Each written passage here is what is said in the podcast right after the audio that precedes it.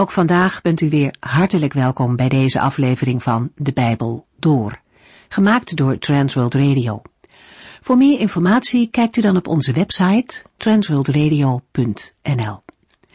In deze serie gaat u in vijf jaar tijd met ons de Bijbel door, van Genesis 1 tot en met het laatste vers in Openbaring 22. Vandaag lezen we verder in het Bijbelboek Job. De vorige keer zagen we dat de Heere opnieuw Job als het ware met trots laat zien aan de Satan. Want ondanks zijn grote verliezen is Job toch trouw gebleven aan de Heere God. En dat ziet de Heere natuurlijk. De enorme moeite en strijd die Job doormaakt, maakt zijn getuigenis des te sterker. Hoewel Job dat niet weet, is het duidelijk voor ons dat het de Satan is die Job wil treffen. God laat het dan wel toe, maar stelt ook grenzen.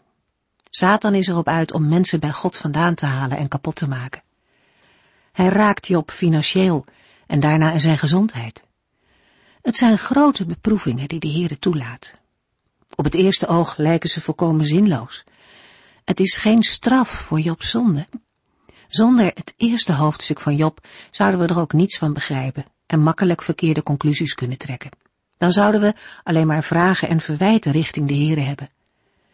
Maar juist het inzicht dat dit Bijbelboek geeft over wat er in de onzichtbare wereld gebeurt, laat ons de diepere achtergronden zien van lijden. Dat maakt het lijden niet makkelijk, maar dit inzicht kan ons wel helpen om in moeilijke tijden toch vast te houden aan de belofte van de Heere God, namelijk dat Hij meegaat door het dal van diepe duisternis en de uitweg zal wijzen. In hoofdstuk 2 komen dan verschillende mensen uit Jobs omgeving naar voren. Als Job ernstig ziek is, spreekt zijn vrouw. Haar naam wordt niet eens genoemd en ze komt ook nauwelijks aan bod in dit Bijbelboek. Hier wel. En ze adviseert Job om de Heere maar vaarwel te zeggen. Opnieuw een beproeving voor Job, of hij toch trouw blijft aan God. Zij, zijn vrouw die het dichtste bij hem staat, zijn eigen vrouw, zij vraagt hem om God de rug toe te keren. Maar Job zegt haar dat het niet terecht is om alleen maar goede dingen van God te verwachten. Job zegt haar duidelijk dat zij ernaast zit en haar woorden brengen hem niet aan het twijfelen. Dat geeft aan hoe diep en stevig zijn geloof in goede jaren al geworteld was. Job geeft niet zomaar op. En dan komen zijn vrienden. Drie mannen laten hun werk en thuis achter om met Job mee te leiden. En al zeggen ze later veel verkeerde dingen over Job, hun begin is ontroerend. Een week lang zitten ze stil naast Job. Ze hebben geen woorden voor het lijden van hem. En dan doorbreekt Job zelfs de stilte. We lezen vandaag verder, in Jobs eerste klacht, waarin hij zegt dat hij zou willen dat hij nooit geboren was.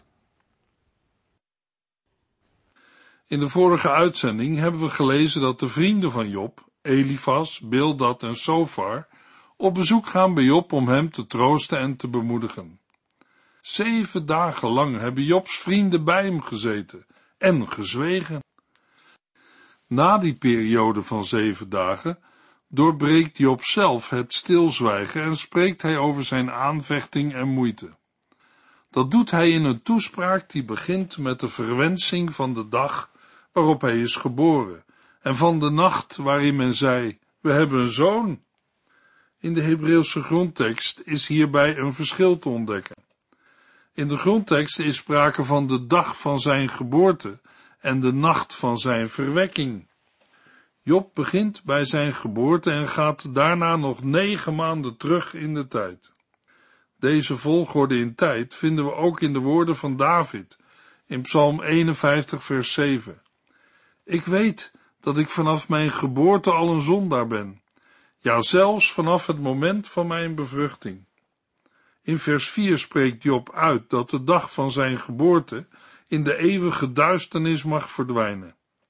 Hij wenst dat de Heer in de hoge er niet op let en dat hij er geen licht op laat schijnen. Woorden die doen denken aan de eerste scheppingsdaad. Toen liet de Heer het licht schijnen in de duisternis. Job vraagt hiermee of de Heere de scheppingsdaad van zijn geboorte ongedaan wil maken. In vers 5 wenst Job, met poëtische woorden en zinnen, Laat de duisternis die dag maar opslokken. Laat de nacht dat Job werd verwekt maar overschaduwd worden door een donkere wolk. Hij wenst dat duisternis die fatale nacht vasthoudt, zodat die dag geen plaats heeft en krijgt op de kalender. Job wenste dat die nacht niet vruchtbaar was geweest en er geen vreugdekreten bij zijn geboorte hadden geklonken. Was het maar een doodse en vreugdeloze nacht geweest. In het volgende vers roept hij zelf bezweerders of vervloekers om de dag van zijn verwekking te vervloeken. Mensen zoals Biliam die opdracht kreeg Israël te vervloeken. Maar hoe zouden zij ooit een geboortedag ongedaan kunnen maken? Dat gaat hun macht te boven. Job verwoordt zijn hevige emoties en spreekt uit wat in hem leeft. Alles heeft tot doel dat de nacht van Jobs verwekking teniet wordt gedaan. Die nacht mag nooit een dag worden. In vers 10 geeft Job aan waarom hij deze nacht verwenst. Die nacht heeft verzuimd de baarmoeder van zijn moeder af te sluiten. Dan zou Job negen maanden later niet geboren zijn en zou de moeite die hij nu moet doormaken aan hem voorbij zijn gegaan. We kunnen de vraag stellen wat Job precies bedoelt met deze vervloeking. Het is meer dan een wensen dat een vroegere dag en nacht er niet waren geweest. Het is ook een verlangen dat die dag en nacht van de kalender verdwijnen. Maar dat kan alleen als er iets van Gods schepping verdwijnt, en daarom worden allerlei krachten opgeroepen. Iedere nieuwe dag is een teken van Gods schepping en trouw. Maar de genoemde dag en nacht moeten naar Jobs verlangen verdwijnen in de chaos en mogen nooit meer verschijnen. Dat is voor Job de enige manier om af te rekenen met het verleden, omdat hij nu eenmaal verwekt en geboren is. Het is van belang op te merken dat zelfdoding voor Job geen optie is. Hij vraagt of God de dag van zijn verwekking uit de cyclus van zijn geboortejaar wil wegnemen. En daarmee zou de Heer dan ook een einde aan Jobs leven maken. Job 3, vers 13 tot en met 16. Was ik maar bij mijn geboorte gestorven, dan zou ik nu van de rust genieten en zou ik in vrede liggen naast koningen en machthebbers, die paleizen bouwden, die nu in puin liggen, en naast vorsten, die ooit schatkamers vol zilver en goud bezaten. Och, was ik maar een miskraam geweest, een kind dat nooit het levenslicht zag. Als hij was gestorven en in het graf en het dodenrijk terecht was gekomen, dan zou hij neerliggen en rust genieten.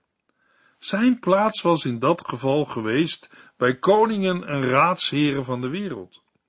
Deze machthebbers hadden op aarde zoveel macht dat ze vroeger belangrijke steden die tot ruïnes waren vervallen weer herbouwden. Job geeft aan dat hij ook had kunnen liggen bij vorsten die ooit goud bezaten en hun schatkamers vulden met zilver. Met deze voorbeelden laat Job zien dat in de dood en het dodenrijk aardse macht en belangrijkheid geen rol speelt. Want in de dood en het dodenrijk is ieder mens gelijk. De arme is er gelijk aan de rijke. Job zou bij een voortijdige dood niet zijn geconfronteerd met de minachting die een berooide en verstotene treft. Naar aanleiding daarvan spreekt Job uit dat hij liefst als een miskraam nooit het levenslicht had gezien. Job zegt eigenlijk twee dingen, die min of meer door elkaar lopen. Hij wenste dat hij nooit was geboren, maar nu hij toch geboren is, wenste hij dat hij bij zijn geboorte was gestorven. Job 3 vers 17 tot en met 19 Want in de dood maken de goddelozen geen moeilijkheden meer en hebben de vermoeiden rust. Daar komen zelfs de gevangenen tot rust, omdat er geen gevangenbewaarder is die hen dwars zit. Rijk en arm zijn daar gelijk, en de slaaf is daar uiteindelijk vrij van zijn meester. In de versen 17 tot en met 19 geeft Job een nadere omschrijving van de omstandigheden in de dood en het dodenrijk. Daar stoppen boosdoeners met het beramen van boosaardige plannen. Een boosdoener is vooral iemand die de naaste bedreigt en slachtoffers maakt. Daarnaast vinden degenen die uitgeput zijn er rust. Hiermee zijn twee groepen tegenover elkaar geplaatst: gevangenbewaarders en gevangenen. Mensen die anderen dwars zitten en zij die dwars worden gezeten. Vervolgens stelt Job dat allen, rijk en arm, meester en slaaf, daar uiteindelijk vrij zijn. Zij horen de stem van de slavendrijver niet meer. Groot en klein zijn daar gelijk en de slaaf is bevrijd van zijn heer. Job verlangt in een toestand van aanhoudend verdriet en intense pijn naar de plaats waar rust is en waar geen ruimte meer is voor onrecht en overtrokken klassenverschillen. Job 3, vers 20 en 21. Waarom geeft God ongelukkige licht en bedroefden leven, terwijl ze verlangen naar een dood die maar niet komen wil? Ze zoeken die dood meer dan verborgen schatten. In het derde gedeelte van zijn klacht stelt Job de vraag waarom God het licht geeft aan ongelukkigen en leven schenkt aan bedroefden en verbitterden. Hij stelt hiermee indirect de vraag waarom de Heere leven schenkt aan mensen die eigenlijk het leven verwensen. Deze ongelukkige en verbitterde mensen wachten op de dood, maar die komt niet. Job 3, vers 22 tot en met 24. Wat een vreugdevolle bevrijding als zij tenslotte toch sterven. Waarom laat God iemand geboren worden wiens leven uitzichtloos is, voor wie geen ontsnapping mogelijk is? Ik kan niet eten, want mijn keel zit dicht van het zuchten. Mijn klachten vloeien als water over mijn lippen. Zij zoeken meer naar de dood dan naar een aardse schat. Deze bedroefden en verbitterden zouden uitgelaten zijn en jubelen als zij hun graf vonden. Wat een bevrijding als zij tenslotte toch sterven. Sprekend over zichzelf stelt Job de vraag waarom de Heere het levenslicht geeft aan degene voor wie het leven toch uitzichtloos is. In zekere zin is iemands levensweg altijd voor hem of haar verborgen, want niemand kent de toekomst. Onder normale omstandigheden kan een mens daarentegen wel bepaalde verwachtingen hebben. Mensen weten waar ze in het heden staan en hebben ervaringen in het verleden op grond waarvan zij hoop voor de toekomst kunnen hebben. Deze verwachting is voor Job afwezig. Iedere verwachting op een goede toekomst ontbreekt en de reden hiervoor is dat de Heere zelf zijn weg heeft versperd. Hierdoor ziet Job geen uitkomst meer. Hiermee zet hij een thema in dat verderop in het Bijbelboek terugkomt. In Job 19 vers 8. God heeft mij de weg versperd en mijn licht veranderd in duisternis. Job ziet geen uitkomst en kan Gods weg met zijn leven niet begrijpen. Hij zet zijn klacht voort door te verklaren dat verdriet tot hem komt als zijn dagelijkse eten. De klacht die hij uitschreeuwt, wordt als water uitgestort. Ze vloeien als water over mijn lippen. Job 3, vers 25 en 26. Wat ik altijd heb gevreesd is nu gebeurd. Ik vind geen vrede en geen stilte. Rust ken ik niet, alleen ellende. Het volgende vers geeft de motivering van Jobs klagen en zuchten. Hij verklaart dat hem is overkomen wat hij vreesde. Vers 25 geeft aan dat Job nog in de tijd van zijn voorspoed rekening hield met rampen en ziekte. Die zag hij immers om zich heen en hij zal ook beseft hebben dat zijn voorspoed een bijzonder geschenk van de Heer was. Mogelijk dat hij mede daarom offers bracht, zodat Gods toorn niet werd opgeroepen. Aan het einde van zijn toespraak volgen vier korte zinnen, waarin Job zijn toestand beschrijft.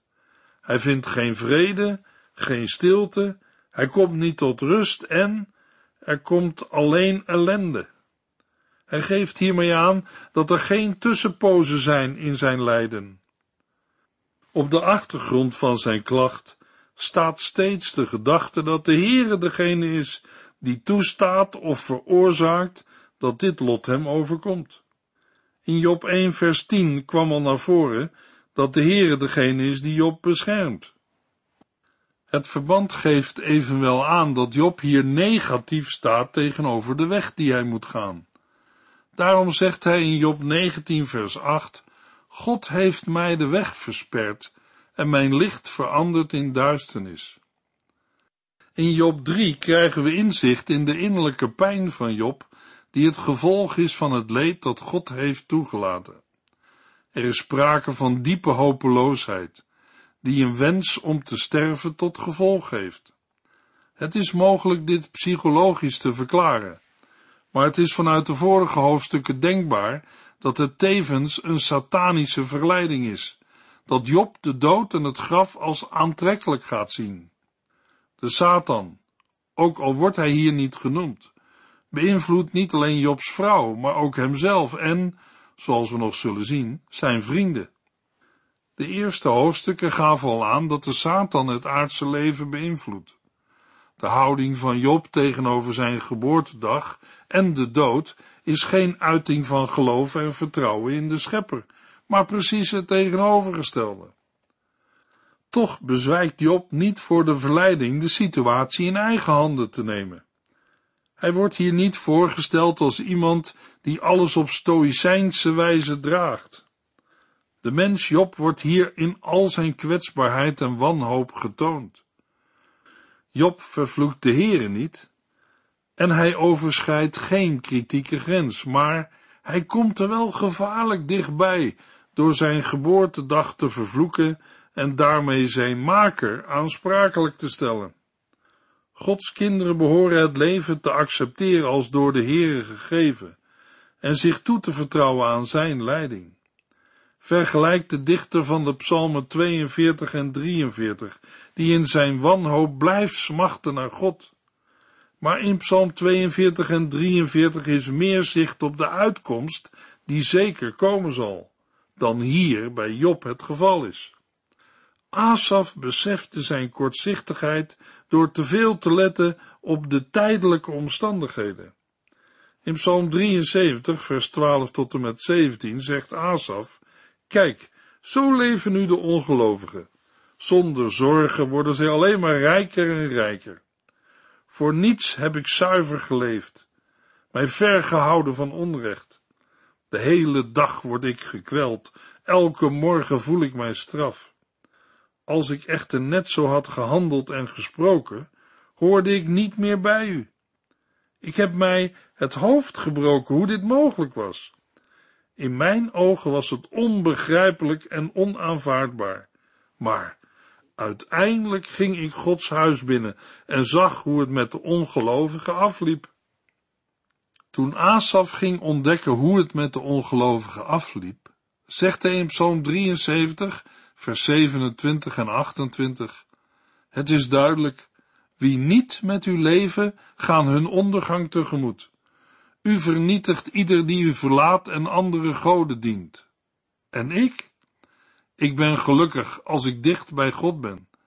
De Almachtige Heer is mijn toevluchtsoord. Ik wil iedereen over uw werk vertellen. Asaf moet net als Job toegeven, toen bitterheid in mijn hart opkwam en ik opstandig en geprikkeld was, reageerde ik als een dwaas zonder inzicht. Ik gedroeg mij onredelijk tegenover u. Maar als hij achter de dingen staat, kan hij getuigen, toch zal ik altijd bij u blijven. U houdt mij stevig vast. Door uw raadgevingen zal ik mij laten leiden, en wanneer ik eenmaal sterf, mag ik in uw heerlijkheid bij u komen. Ook in het Nieuwe Testament is vaak sprake van lijden en van moeilijke omstandigheden. Maar de troost is net als in het Oude Testament dat de Heere in die omstandigheden dichtbij is. Hij houdt zijn kinderen stevig vast. Hij vertroost en geeft rust. De aanvechting van Job is dat de Heere zich tegen hem keert. Job had geleefd in vrede en welvaart in het land Us. En het was hem bijzonder goed gegaan. Hij leefde te midden van weelde en luxe. Iedereen zei, kijk eens naar Job, hij heeft toch een fantastisch leven. Maar Job zegt in Job 3 vers 25 en 26, wat ik altijd heb gevreesd is nu gebeurd. Ik vind geen vrede en geen stilte. Rust ken ik niet, alleen ellende. De rust in Jobs dagen van voorspoed is ruw verstoord. Er is alleen ellende en het leven is onzeker geworden. Luisteraar, kunt u zich een beetje inleven in Jobs situatie? Vaak zijn de dingen die Job zegt ook de angsten in ons leven. Ook in onze tijd zijn veel mensen bang dat hen iets verschrikkelijks zal overkomen. Waar moet een mens zich dan aan vasthouden? In het Oude Testament wijst Asaf de weg. We hebben het gelezen in Psalm 73.